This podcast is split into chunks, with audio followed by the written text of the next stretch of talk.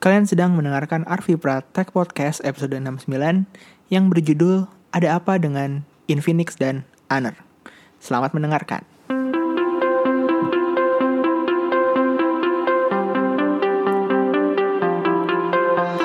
Oke, halo semuanya. Gimana apa kabarnya? Semoga kalian tetap uh, apa ya?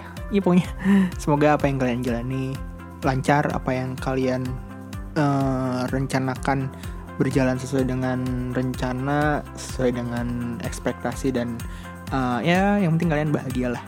Uh, seperti itu. Jadi uh, gila ya, dua episode kemarin yang Anar dapat sampai 300 yang yang Iqbal sampai seribuan kaget juga sih dan emang uh, pas waktu yang Iqbal sendiri emang gue cukup jor-joran sih dan ya itu kan awal bulan juga ya jadi kayak yaudah sih Facebook Ads uh, promote di Instagram terus di promote Twitter juga. Ya berarti memang harus apa namanya nggak cuman apa ya nggak cuman punya kocek yang gede tapi juga senantiasa diiringi dengan apa uh, timing dan apa ya uh, konten yang tepat juga kayaknya. Seperti itu. Jadi ya terima kasih yang udah mendengarkan. Gue yakin setelah ini balik lagi ke semula. Ya 100 120 insya Allah. Ya yang penting bermanfaat lah buat kalian. Uh, oke okay, sebelum itu sebelum masuk ke topik maksudnya gue ada beberapa berita yang pengen gue sampaikan buat kalian. Yang pertama adalah Intel mengumumkan uh, prosesor untuk laptop terbaru mereka yang generasi ke-8. Jadi uh, dan ini tuh yang buat high performance yang seri H.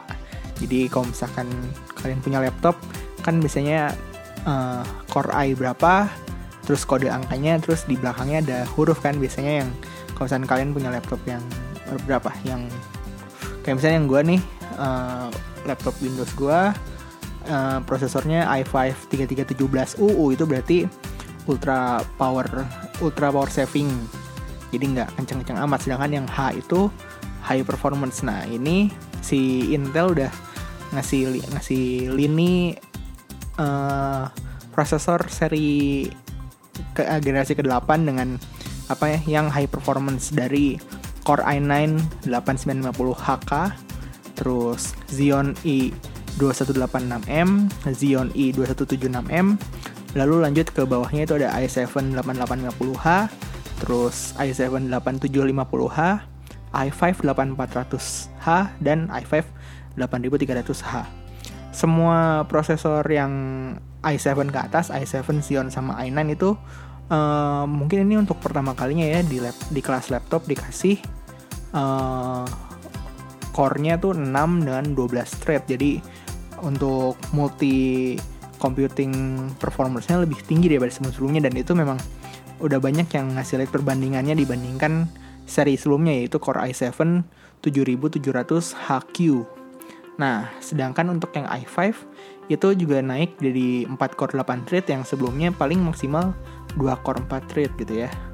Dan ini juga berlaku ke uh, kecepatan RAM-nya kecepatan memorinya juga naik jadi 2666 MHz terus semuanya support Intel Optane memory. Jadi uh, apa ya kalian tahu kan Intel Optane memory itu dia semacam SSD yang menggunakan 3D cross point jadi lebih cepat daripada biasanya. Terus ada yang menggunakan itu sebagai ada produk Intel yang sebagai SSD ada yang sebagai akselerator buat hard drive seperti itu. Jadi laptop-laptop ini semuanya udah uh, canggih lah udah udah udah hampir menyaingi, menyaingi desktop desktop performance. Mungkin ini gue ngeliatnya kayaknya gara-gara AMD juga lagi gencer banget nih tentang uh, laptop yang dengan seri Ryzen-nya ya yang juga menjual banyak core juga apa namanya multi computing performance yang tinggi juga seperti itu. Jadi uh, itu tadi uh, eh, gue nggak tahu HK HK di di akhir itu apakah unlock atau gimana? Kalau unlock berarti bisa di overclock nih si yang Core i9 8950 HK biasanya sih yang di belakangnya K itu emang multiplayer unlock gitu. Jadi bisa di overclock dengan cukup mudah dibandingkan seri yang non K gitu. Kayak gitu. Jadi itu tadi ada beberapa prosesor Intel terbaru untuk laptop untuk laptop yang high performance. Uh, produk-produknya juga kalau nggak salah udah ada yang keluar dari vendor macam Gigabyte, Asus, MSI juga udah udah ada contoh produknya gitu ya. Tapi uh, ya masih belum rilis, belum belum dijual seperti itu. Terus untuk berita kedua itu uh, bulan ini akan banyak uh, apa launching event kan Maret kemarin juga udah beberapa vendor beberapa brand launching produknya ya dan untuk April ini uh, ada Oppo yang akan membuat launching uh, Oppo F7 pastinya ya. Dan itu juga gue udah ngeliat bahkan dusnya aja udah ada yang narok gitu di di counter gitu. Bahkan udah banyak iklan-iklannya. Dan ada beberapa demo unitnya kok nggak salah bisa di bisa dicobain. Gue lihat di Point Square kemarin. Nah ini launching eventnya tanggal 17 April 2018 semoga gue bisa ke sana kalau diundang terus besoknya ada Xiaomi yang akan merilis Redmi Note 5 dari uh, teaser-teaser yang dikasih di official account Xiaomi ya kan dikasih lihat kalau misalkan ini ada uh, dual kamera kamera AI nah AI ini mungkin nge-refer ke Redmi Note 5 yang udah rilis di yang rilisnya di Tiongkok gitu bukan yang di India. Soalnya yang pakai embel-embel AI cuman yang Redmi Note 5 yang di Tiongkok gitu. Ya mungkin ya soalnya secara spesifikasi juga lebih tinggi yang tinggian yang di Tiongkok gitu. Seperti itu. Ya kita lihat lagi. Nanti lah gue gue kira gue pikir mungkin Redmi Note 5 mungkin harinya bakal 3,3 3,4 kali ya. 3,1 kayaknya nggak terlalu mungkin sih tapi ah masa iya sih?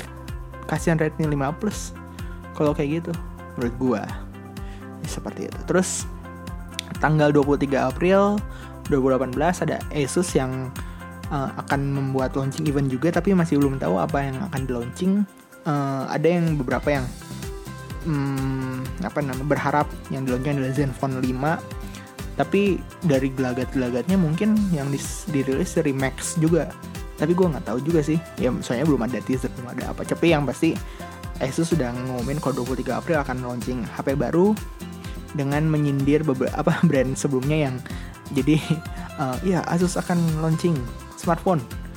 Tapi kita tidak akan meng, apa tidak kita launchingnya online aja nggak ada di TV jadi kalian tetap bisa nonton TV seperti biasa gitu itu bagus banget apa namanya triknya gitu kayak gitu oke okay.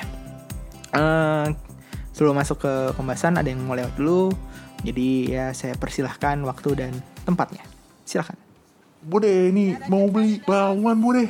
Eh, eh, des, des, despacito. Aduh. Apa lagi nih? Eh, aduh. Fuck, ini pasar kelapa ramai bener dah. Mana bahasanya gua kagak ngerti lu gak bakal mau kesesat di pasar kayak ini orang. Mending lu dengerin podcast gue bersama gue Jordi dan kita akan membahas pemasaran secara seru di podcast Riset Penasaran. Bukan pemasaran, tapi penasaran. Penasaran kan? Apa? Enggak. Pokoknya lu harus penasaran. Ya udahlah, balik ke podcast yang sekarang. Deh. Ah, oke. Okay. Kemarin-kemarin kan banyak drama yang terjadi ya. Baik itu dari lingkup sosial politik seperti mobilnya Bu Ratna Sarumpait yang diderek dan dikembalikan sampai ke dunia teknologi ini terkait beberapa vendor yang dalam tanda kutip nakal seperti yang ya udah banyak sih di, diberitakan di beberapa portal media online itu kan kalau Infinix menarik peredaran smartphone tipe 05 atau X603 ini bisa dicek juga di Lazada kalau official store Infinix sudah nggak nampilin lagi Infinix 05 gue sempat ngikutin si drama-drama ini dimulai dari tweetnya Pak Harry SW yang menanyakan keabsahan TKDN di produk Zero 5 karena saat awal barang tersebut dijual memang tertulis kalau smartphone ini dibuat di Indonesia.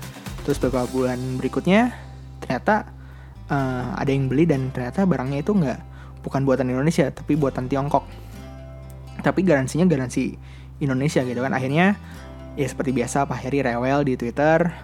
Dan belakangan diketahui kalau ternyata ada dua barang dengan sertifikasi yang berbeda namun produknya sama gitu. Di produksi awal yang dijual adalah Infinix 05 dengan sertifikasi 4G dan batch selanjutnya uh, Infinix Zero 5 tanpa TKDN dengan sertifikasi 3G namun saat dinyalakan bisa terkoneksi jaringan 4G gitu. Dan Menkominfo ikut gerak dan akhirnya produk ini ditarik mengikuti uh, ya sebelumnya juga kan ada yang karena ter, tersandung TKDN itu si Zook sama OnePlus 2 gitu. Jadi kayak akhirnya Infinix Zero 5 ditarik di peredaran dan sekarang gue nggak tahu nih kalau misalkan ada yang punya gitu ada yang udah beli apakah masih bisa menggunakan service center resmi atau gimana gue juga nggak tahu. Cuman udah nggak bisa dibeli lagi sampai sekarang gitu seperti itu.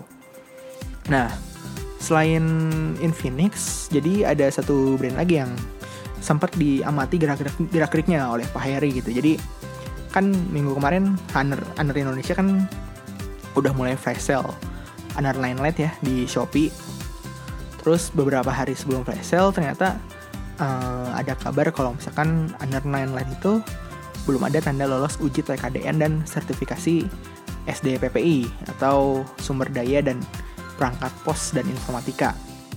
Nah, sampai Hamin satu flash sale itu uh, ada update di si apa deskripsi barang Under 9 Lite-nya di Shopee.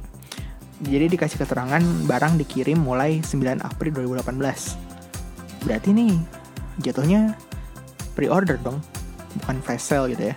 Sampai akhirnya uh, kemarin tanggal 9 April pas waktu barang si Under 9 Lite-nya dikirim, si tanda lolos uji TKDN-nya uh, udah keluar nih untuk 9 Lite sama Honor 510. Nah, berikut juga sertifikat SDPP-nya juga udah keluar gitu. Dan ini kayak Pak Heri bingung gitu kan kayak, wah ini bukan sulap, bukan sisir gitu ya. Kalau apa namanya, tiba-tiba Honor bisa langsung merilis dengan cepat gitu. Cuman ya gue nggak tahu lah.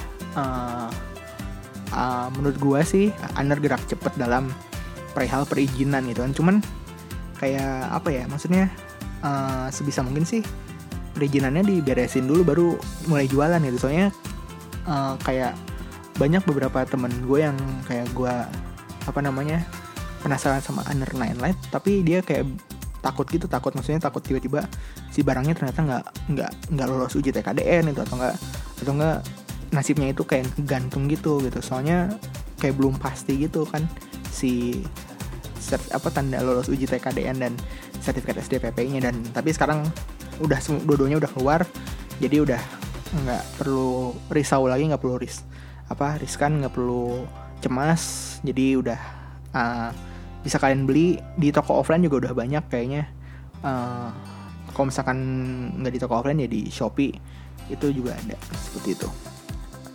Oke okay, uh, sebelum gue lanjutin ini ada yang lewat lagi bentar ya jadi kayak ya waktu dan uh, tempatnya gue persilahkan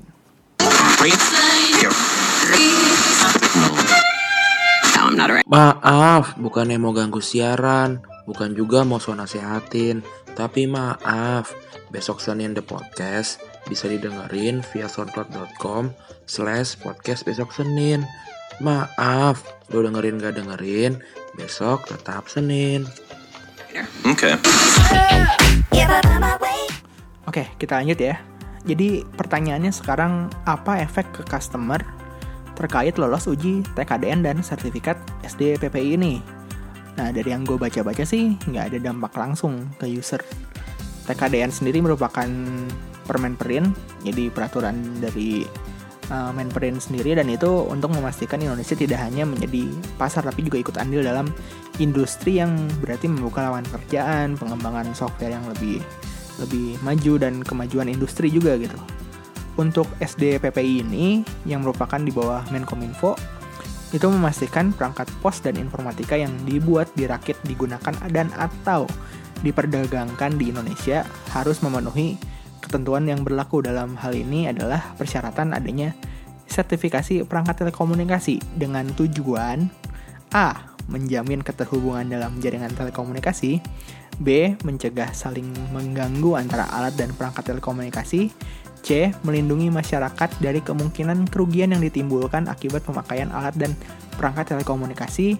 D. Mendorong berkembangnya industri, inovasi, dan rekayasa teknologi telekomunikasi nasional. Itu semua bisa kalian baca di UU pemerintah eh, nomor 52 tahun 2000 ya kan ya kan coba cek dulu benar nggak UU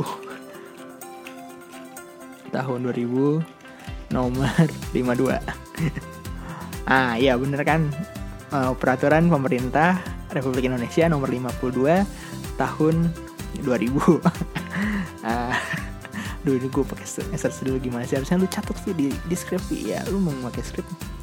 Malah nggak dulu tulis yang gitu itu Oke maaf maaf. Eh, Jadi Ya sebenarnya nggak ada lang- dampak langsung ke pengguna jika membeli barang tanpa lolos uji TKDN dan sertifikat SD PPI.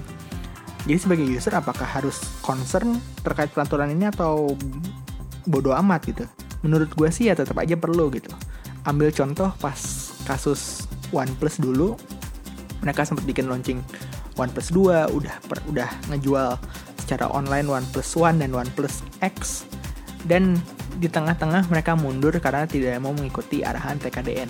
Nah, bayangin dah, lu udah beli OnePlus X, eh tahu-tahu si brandnya mundur. Suatu ketika smartphone lu rusak, service center resmi nggak ada, dijual juga susah. Ya, menurut gue sih paling dampaknya di situ gitu. Kalau misalkan eh, apa namanya eh, terkait si peraturan pemerintah ini gitu kan, kayak misalnya contoh contoh ini di dunia paralel ya yang maksudnya di paralel universe itu ya misalkan katakanlah Aner nggak bisa eh, memberikan eh, persyaratan yang lengkap terkait Aner 9 Lite ini orang-orang udah pada beli di tanggal 6 eh tanggal 5 tanggal 5 April kemarin udah orang-orang udah beli. Sampai tanggal 9 ternyata nggak ada ternyata diusut. Ada masalah antara Aner dan pemerintah misal ya misal. Terus akhirnya Aner pergi dari Indonesia terus lu udah ngeluarin duit dan pihak mungkin marketplace-nya cuma mungkin eh, apa menggantinya sama voucher oh itu masih oke. Daripada tiba-tiba datang tuh HP-nya dan HP-nya ya ya cuma bisa lu pakai aja. Tapi kayak misalkan ntar di masa masa yang akan datang rusak gitu kan. Lu nggak tahu harus nyari service center resminya di mana karena udah nggak ada. Dan eh, dijual pun pasti bakalan susah banget karena orang-orang ngelihatnya itu kayak up brand brand itu kayak udah pergi dari Indonesia dan kayak mikir mikir juga kayak aduh ntar kalau misalnya rusak servisnya gimana? dan segala macam. Dan itu ya menurut gue dampak langsung terkait peraturan pemerintah ini ke user gitu kan menurut gue sih gitu. Untung aja Aner gercep nih eh, untuk ngurusin TKDN sama sertifikat SDPPI-nya gitu kan.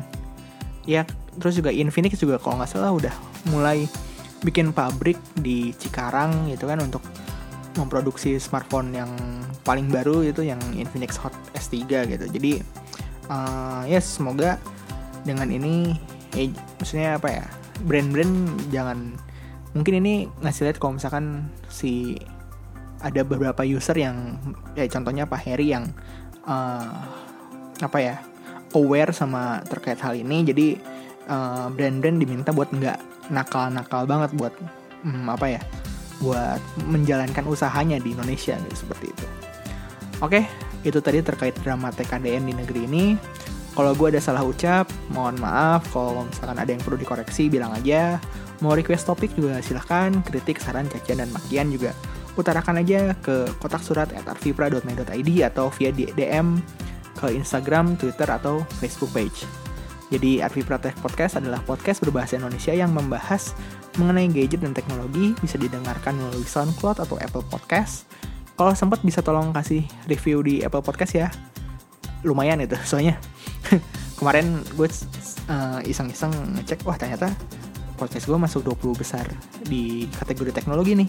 Terus salah satu ngerucut lagi di kategori gadget, wah gue 5 besar gitu kan. Sekarang uh, 5 pokoknya terakhir sempat sempat di posisi 2 gitu. Jadi ya kalau misalnya kalian meluangkan waktu untuk ngasih review gue sangat sangat berterima kasih ntar gue bikin giveaway deh apa mau TV, smart TV gue bikin jadi sponsornya gimana Vi Eh, oh ya reviewnya juga kalau misalkan bisa ya sejujurnya aja gitu. Kalau misalkan kalian mau ngasih bintang satu juga nggak masalah gitu. Kayaknya nggak ada ancaman suspend deh kalau di Apple Podcast kalau misalkan eh, bintangnya terlalu rendah.